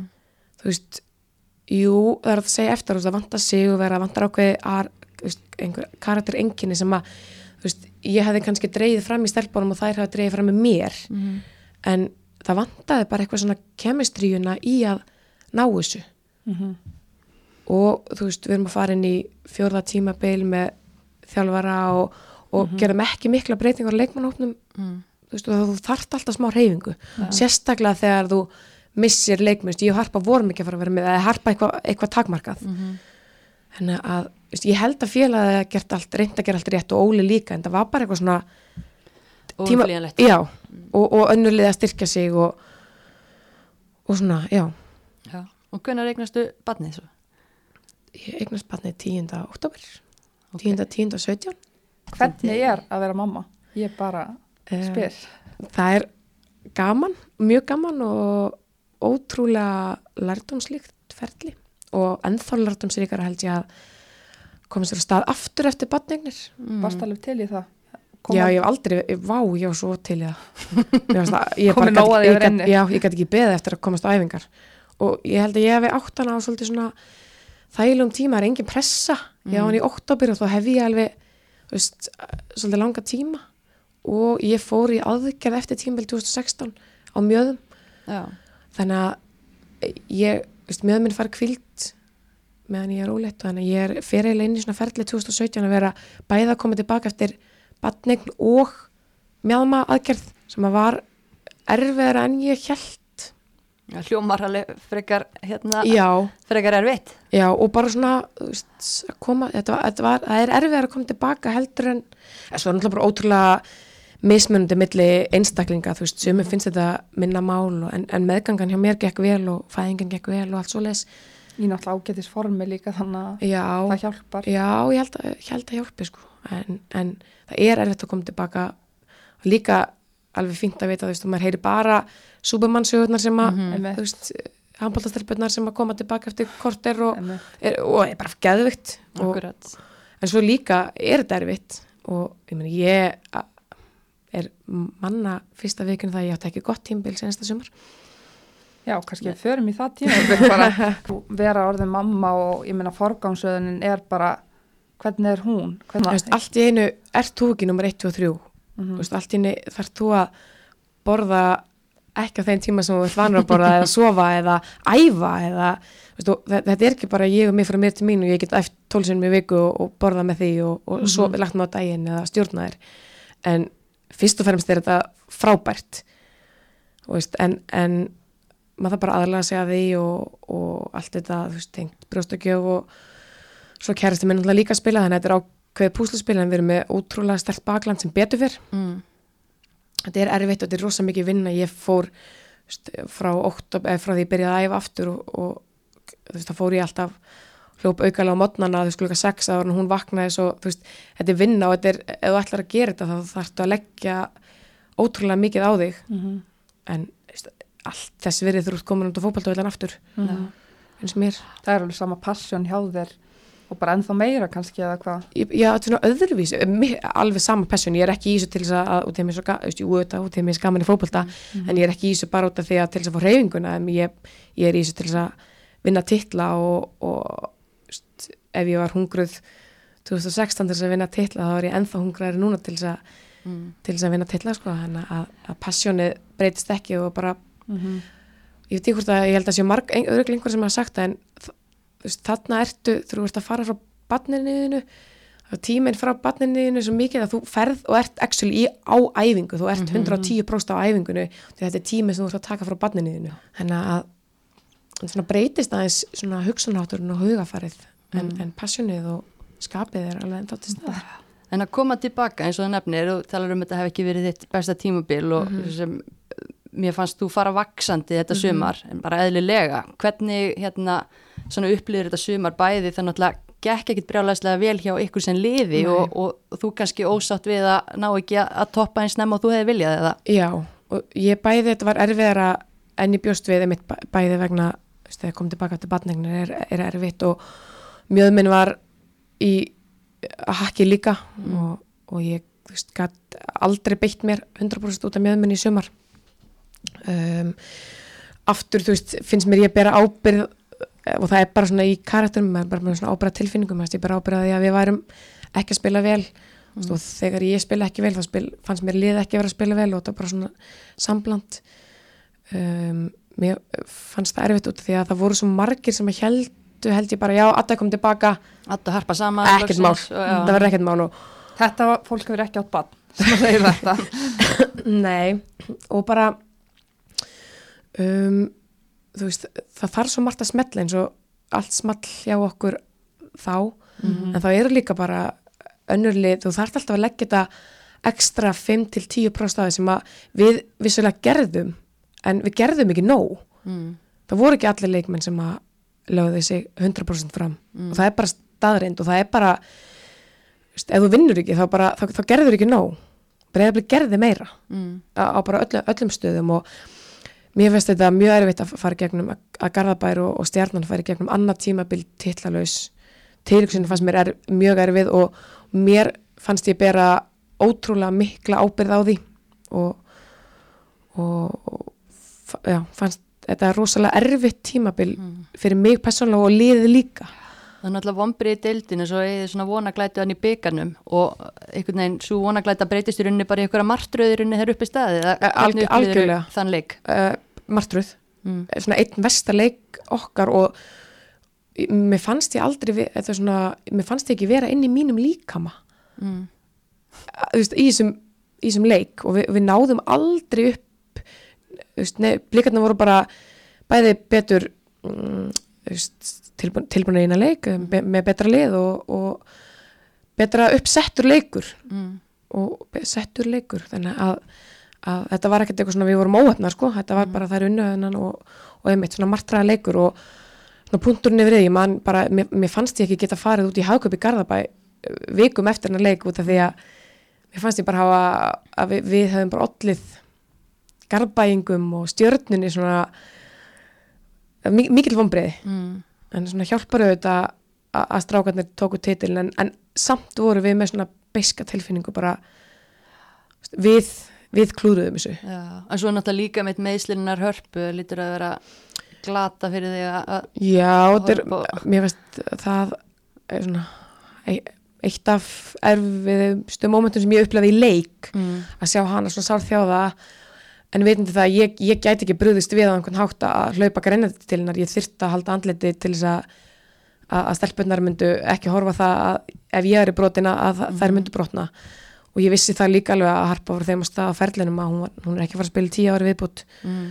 það er þið ótrúlega erfitt fyrir hana og hún var að mér fannst líka vaksandi með hérna tímabilinu og mér fannst hún að vera svona að toppa sinn leik svona í kringum þessa leiki. Þannig að þetta var ótrúlega erfitt að horfa upp á þetta. Og ábyr fyrirliðans að því að meina, harpalendir þessu og, og telma náttúrulega slítur líka g- þetta lítur um þetta að hafa leiði bara svolítið á þér sem fyrirlið að þurfa einhvern veginn að styðja við þær í þessum ósköpum. og, og veist, mér fannst ég hafa feilað út af því að ég náði ekki upp mínum leik og ég náði ekki upp uh, því sem ég stend fyrir út af því að ég átti í brasi þú veist, með að ég kom tilbaka og, og að vera með barn á brjósti og, og, og í allt öru líkamlega ástand heldur en ég hef vunna að vera í.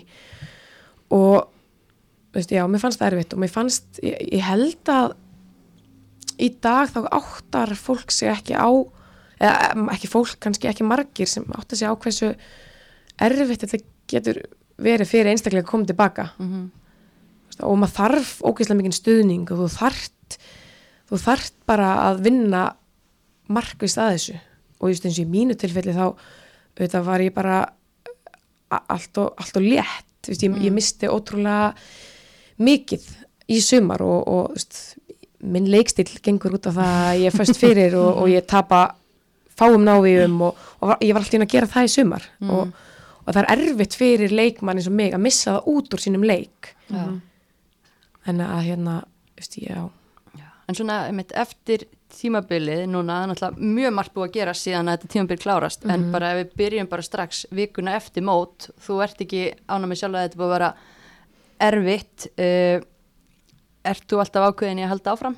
Var aldrei í, í fótbolta, Já, fótbolta, já. ég var einmitt spurð að því bara eftir seinasta leikin bara hvort ég var að hætta. Og komið svo óvart og því að hann var, já, margir búin að tala um það. En ég var aldrei á þeim þú veist, í þeim hugsunum að ég var að fara að hætta mm. ekki, alls ekki sko þannig að ég, hérna, ég, ég bara á miður tímbili vissi ég bara ok, þetta, þetta verður erfitt tímbili fyrir þig Mhm. uh, notaði það rétt, nýttu það rétt uh, lærðu af þessu og ég lærði svo ógæðslega mikið af þessu tímabili Mm. bæði inn á sjálfa mig, inn á samskipti inn á virðingu, inn á inn á bara svo margt að ég, ég tók mjög margt með mér frá þessu tímabili sem ég ætla að nýta mig bara í ekki bara í fótboltanum, bara í, í lífinu sjálfu mm. og, og já, Einmitt, já, en svo verða einmitt, breytingar hérna í Garðabænum í haust, Óli hættir, uh, svo verður hérna einhver smá reykistefni í einhver x tíma og svo hérna uh, kemur Kristján Guðmundsson og, og tekur við. Áttur einhvern tímann eitthvað spjall við hann? já ég átti að spjallu Kristján Hvernig leistur á hann? Hann er náttúrulega nýr í bara deildinu. Reynslu bolti en úr allt Mér leist uh, frábærlega á Kristján uh, mjög vel, finnst þetta ótrúlega sterk og metnaðfull og rétt ráðningin í Garðabæn Mm. þessum af því að Óli er, uh, er sko svona einna svona færari þjálfur um landsins Mm. um, ótrúlega metnaðfull og skipulaður og það var alveg svona högg örgulega, það búin að vera í fimm ár Mm. en, en að það er erfitt að koma eftir líka síður sem þjálfara og þetta var, metnaði fulla ráðning í Garðabænum að fá Kristján um, og, og hann heyrt bara góða hlutum hann og ég, hann er svona uh, ég, ég held hann sé svona svipaður og láki ekki alveg eins en þeir eru svona hugsuður, Mm. mm. pæla mikið í fótbolta og veist, ég hlusta á hann ofta á mitt hann kemur í fótbolta.net svona þessar strákunar að spyrja um hann hann mikill fótbolta heili Mhm. þannig að ég, veist, mér leist mjög vel á hann Og þú var spennt að fara að vinna með honum. já, En Og- hvað eiginlega, Já. já, hvað gerir svo eiginlega? Var Kristján, vildi hann ekki hafa það áfram með það? jú allavega okkar samtali hljómaði hann að- ekki þannig að hann vildi ekki hafa maður fram um, þetta er auðvitað ótrúlega eh, svona tilfinninga þrungi mál fyrir mig og erfitt Mm. og svona treysti mér ekki til þess að fara út í alla hluti út í þetta. Er, þetta er rosa stórt fyrir mig út í að stjarnan hefur verið bara partur af mér. Ótrúlega mikil félagsmanneskja um, fylgist með mér í fótbalta, handbalta, körbalta og þetta er bara þetta, er bara partur af mér sem íþróttamanni er stjarnan og, og yngri stelpunar líka. Og, og gegnum tíðina hefur maður alltaf finnst ég bera líka ábyrð á því að að félagið komi vel út og, og við séum svona stöndum Verið, hérna, já, trú félaginu, meina uppeldisfélagið þitt hefur nú eitthvað reynda Já, fáið já. eftir í tíðina og fleiri Já, félög. ég hef verið mjög trú. Valur reynd að fá þig er það ekki í fyrra Jú, þú sagði nei þá trú uppeldisfélagina af hverju Valur þá núna um, ég, hérna, var, mí- mín fyrsta hugsun eftir tímabil var, var aldrei að fara úr stjörnunni, sko. Og svo margir segja, þú veist, á döða mínum átti ég von en að þú færir. Mm. Hérna- segja það með þeim. Já, en e, e, það, og það er e, auðvelt að segja þetta núna eftir á, en eftir senasta leikin, Þórakurri, þá fekk ég, ég fekk einhverja svona tilfinningu að þetta gæti verið senasta leikurinn minn í búningnum án þess að vera búin að hugsa út í það. Og það er auðvelt að segja þetta núna, bara já, þetta er það er auðvelt að segja það núna. Að, en ég það var einhver tilfinning og ég man ég var, gaf stelpu í sjötta flokki búningi minn og einhverjum fyrirlega bandið og skóna og eitthvað, ég, ég fekk bara svona svo þetta er senasti stjórnabúningurum minn. Ég veit ekki ekkur ég fekk það en, en ég var aldrei farin út í þá pælingu að ég var að fara úr klubnum sko. og varst ekki tverna að ræða framaldi ég var ekki farin að ræða framhaldi við stjórnuna og ekki við, við neinn félög en ég vissi þetta, ég var í samningsbundunum. Ég fannst skrítið vitandi það að, að væri verið að semja við, við strákana á miður tímafélum fannst skrítið að það var ekkert byrjað að ræða við neina leikmann hjá okkur og oftast byrja félög á því að ræða við leikileikmenn en það var ekkert búið að ræða við mig og hörpu Mm. fannst það skrítið um, já eins og ég segi þá, þá er það mín upplifun að Kristján hafi viljað halda mér og, Mhm. og, allt svoleiðis ég vissi að það er, væri verið að fara að lækka samninga mm. stjórnunni, ég hefði ekkert sett það fyrir mig en, en hérna það er, Var það máli? Var þið búðin samningur sem var það bara ekki nógu góður eða uh, nei ekkert bóð? nei Barst Nei, það ekki til nei. Eða þín fegstu símtala sem að Ég- kraftaðina var ekki óskað áfram eða bara Nei, ég, ég fór bara fund með með formanni meistarflokks kvenna og það sem við rættum hlutina og, og þar sagði hann að, að hann og knasputnu deildin eða, eða hann og, og formaður knasputnu deildar mm. heldur að ég væri svona þeirra mat að ég er ekki líkileikmar næsta tímbili og að, að hérna mig, ég sem karakter sterkur karakter og með, mikið skapa þá er, er það ekki gott.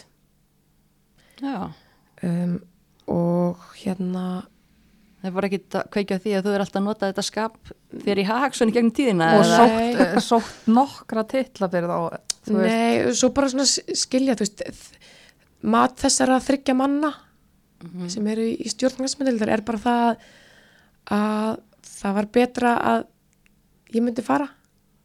Og hérna ég virði það bara en, en þetta er miklu, miklu, miklu, miklu starra í samhenginu.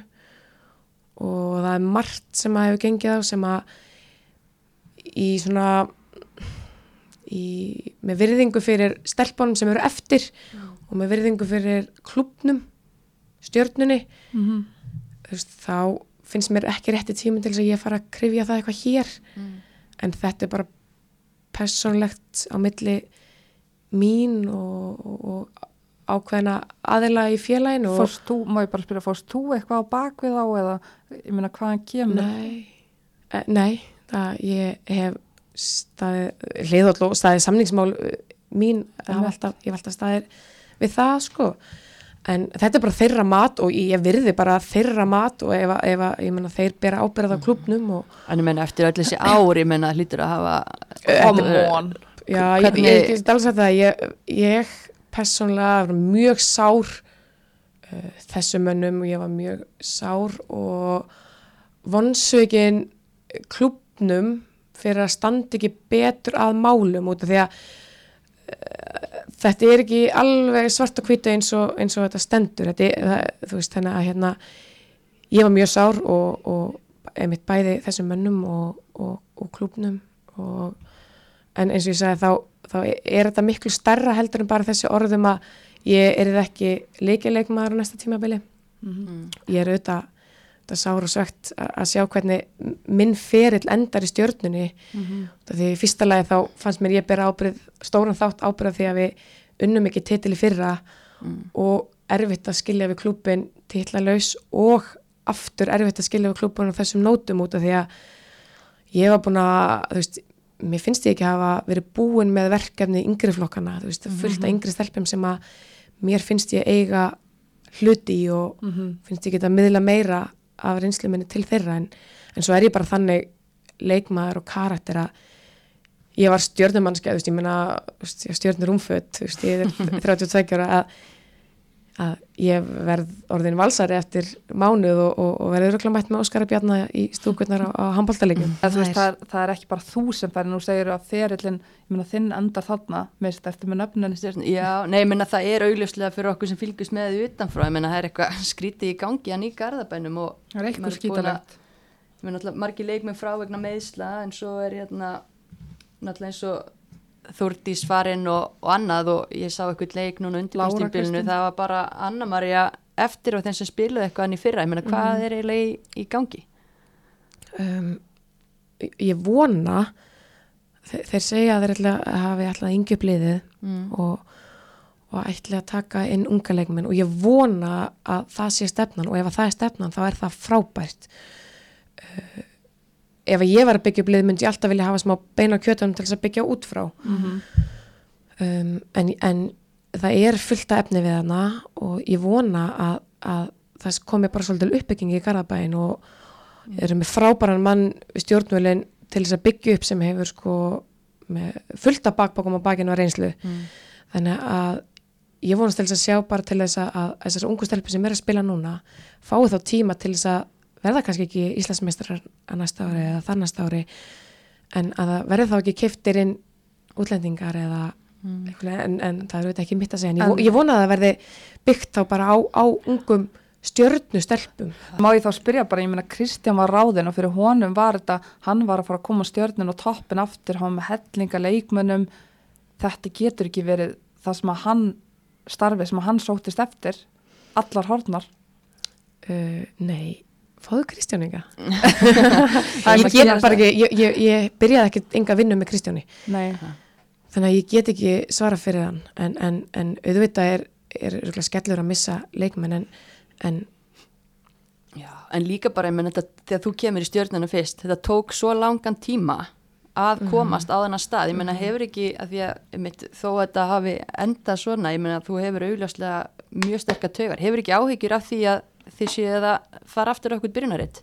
mm, jú, ég hef mjög sterkar taugar til, til stjórnuna sem félags og, og það var einmitt, ég fekk, ég er búin að fá fullt að ráðum í gegnum þetta ferli mitt núna og, og ég er búin að læra eins mikið og ég lærði á því að spila senst að tímbil, þá er ég búin að læra alveg helling af bara þessu ferli sem ég hef gengið í gegnum með félaginu mínu núna, eða fyrirverandi félaginu að, að hérna, ég ber auðvitað sterkar taugar til félagsins og, og vona að þeim gangi vel og ég vona svo sannarlega að, að það verði byggt á sterkum grunni og það eru leikmenn þarna sem að hafa gengið í gegnum fullt, ég minna Anna-Maria er þarna, Sigurnæla er þarna mm. uh, Viktoria Valdís er þarna sem að spila eitthvað aðeins með okkur en ég, ég, bara ég vona að þær taki við keflinu Mm. og, og byggja upp að þetta verði ekki eins og með fullari vinningu fyrir, eins og gerast fyrir káir, þær mistu fullt af leikmennum og, og hafi ekki náð sér á tillum en ég held að stjarnan verði aftur og vona að að verði stórveld og því að mér finnst ég eiga stóran þátt í yngri stelpunum líka og ég vona að þær ég vona að stelpuna sem ég hef verið að vinna með taki við keflinu af, af okkur eftir, eftir einhver ár Mm.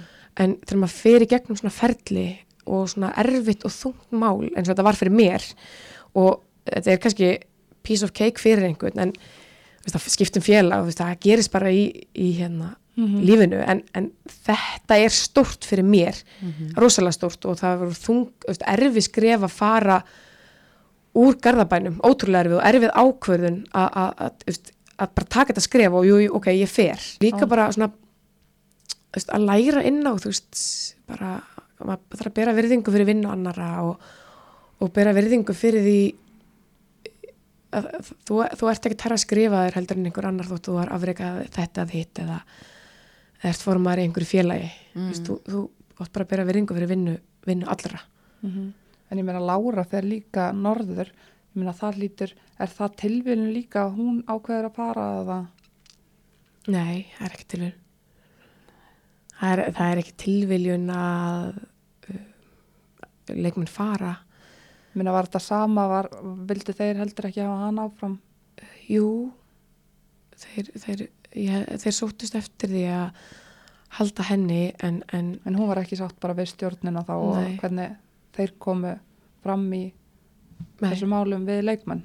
Nei, og já, það er svo margt sem að, væri hægt að segja en, en Já, ég, já, þú veist, ætla bara, tökum já, ég skal, ég skal, ég skal hérna skrifa smábók með þér hérna eftir Jó, jólabók, jólabók kemur út í næsta jólabók af flóði. Já, En þá er það valur. Hvað gerist þegar að þú einmitt, keirir úr garðabænum búin að taka þessi ákvörðum bara og náttúrulega væntilega í tilfinningarnar út um allt, ég Mhm. meina Keirir Hvað- beint upp á hlýðarenda.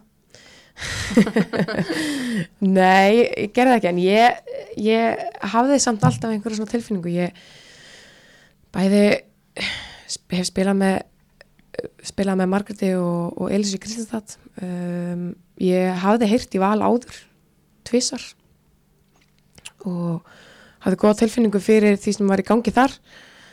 Og það tókaði stert í mig um, og, og Akureyri tókaði líka stert í mig. Ég var það í bóði? Já, og að að var hérna, veist, ég, ég vissi það alveg, eða hans að hljóma svo einhver voðakalla, ég vissi alveg að, að þegar ég fari úr garðabænum að ég var ekki að fara, ég vissi alveg að ég var ekki að fara í inkasso, en þótt að margir hefði haldið og, og mjög margir heldu að, að ég væri búin og halda, örgulega, ég meina að bæði eftir erfið tímbili fyrra og ég er ekkert að yngjast að, að ég væri búin að toppa Mm. og, og hérna ætti erfitt uppdráttur en ég ég þarf bara fyrstalega að þú veist sanna fyrir sjálfur mér að, að ég hef ungur til þess að, að gera þetta allar leið út í að þetta er ókysla tímafrekt og maður finnur það einmitt þegar maður er komið með batn og, og nú er Almar að fara að spila fyrir norðan. Að, að, þú veist, þetta er skipulag og, og ég, ég veit ég hef skap og ég hef innri kvöt og ég hef allt til þess að, að gera þetta. En að hérna já, svona Akureyri og, og Valur stóð, stóð svona og því að ég var ekki á þessum tímpótaferðlunum vildi ég ekki bara fara og vera spilandi aðstæðþjálfur einhver staðar eða, eða bara fá að vera með. Ég ætla að fara í félag sem að væri að berjast um titla og mér fannst Valur og finnst Valur líklegt og, og svo náttúrulega fór Alma Norður og mér finnst kúltúrin fyrir Norðan og, og leikmenn þar og, og lið líka mjög heillandi, mér finnst þetta mest tvö heillandi liðin svona ef, eftir að Garðabærin minn, minn staðar, það, það var búið.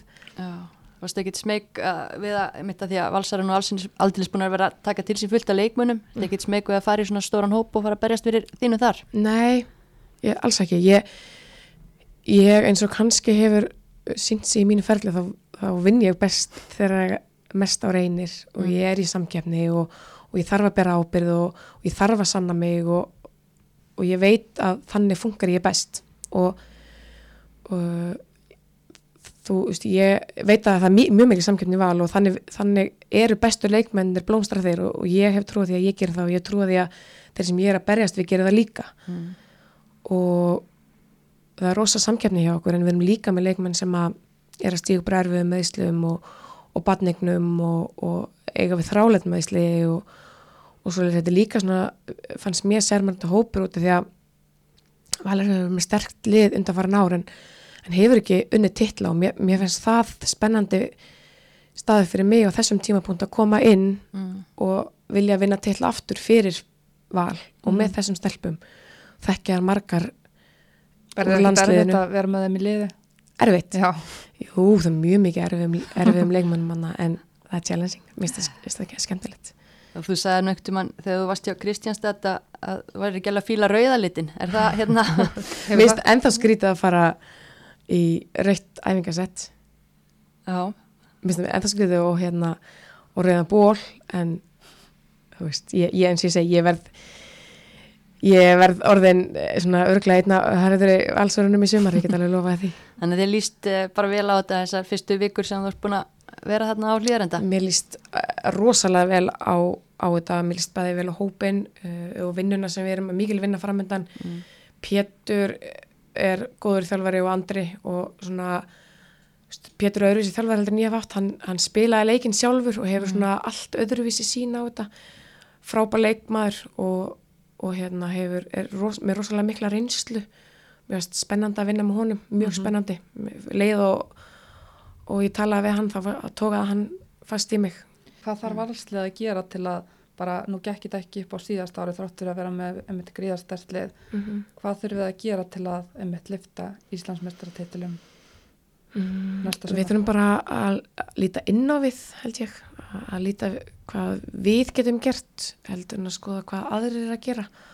Horfa, horfa á svona heldamyndina við um, og vera svona uh, það, er að vera samhældi við, að mikil, mikil samkettni og við þurfum að standa með ykkur annari og bara eins og gegnum tíðina það þarf alltaf að ganga upp og, og við þurfum í kvennabolta er þetta oftast þannig að liðið sem að vill mest vinna Íslandsmeistaratitilin vinnur Íslandsmeistaratitilin Mm. oftast burt sér frá hæfileikum auðvitað þurft að vera með fullt af hæfileikum.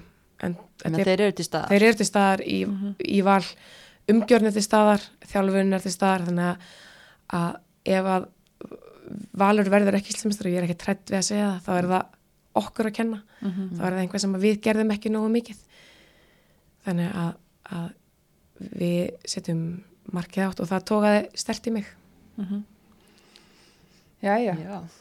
Ég Þetta er bara- spennandi, ég er alltaf þetta er náttúrulega bara, það er öll þjóðin að jafna sig og að sjá þig hérna fara úr bláu og yfir í raukt, þannig að hérna ég alltaf að segja fyrir mitt leiti, ég er mjög spennt að sjá hvernig þetta þróast og ég er mjög ánað með því að ég mitt að hafa bara tekið slægin og ekki eitthvað farið að dútla eða setja hérna metnaðin eitthvað neðar, heldur kyrtan í botn, Mhm. þannig að ég held að við verðum bara að ljúka þessu hérna spjall okkar núna, við erum búin að tala heil mikið, já. en það er hellingur ennþá sem að við viljum bara fá því hérna næstu vik aftur næstu Bara- vikulegu gestur en, en hérna Þetta var geggjað. bara takk hérlega fyrir að koma og gangi er rosalega vel, ég hérna fylgjast vel með næstu sumar. Takk fyrir Takk hérlega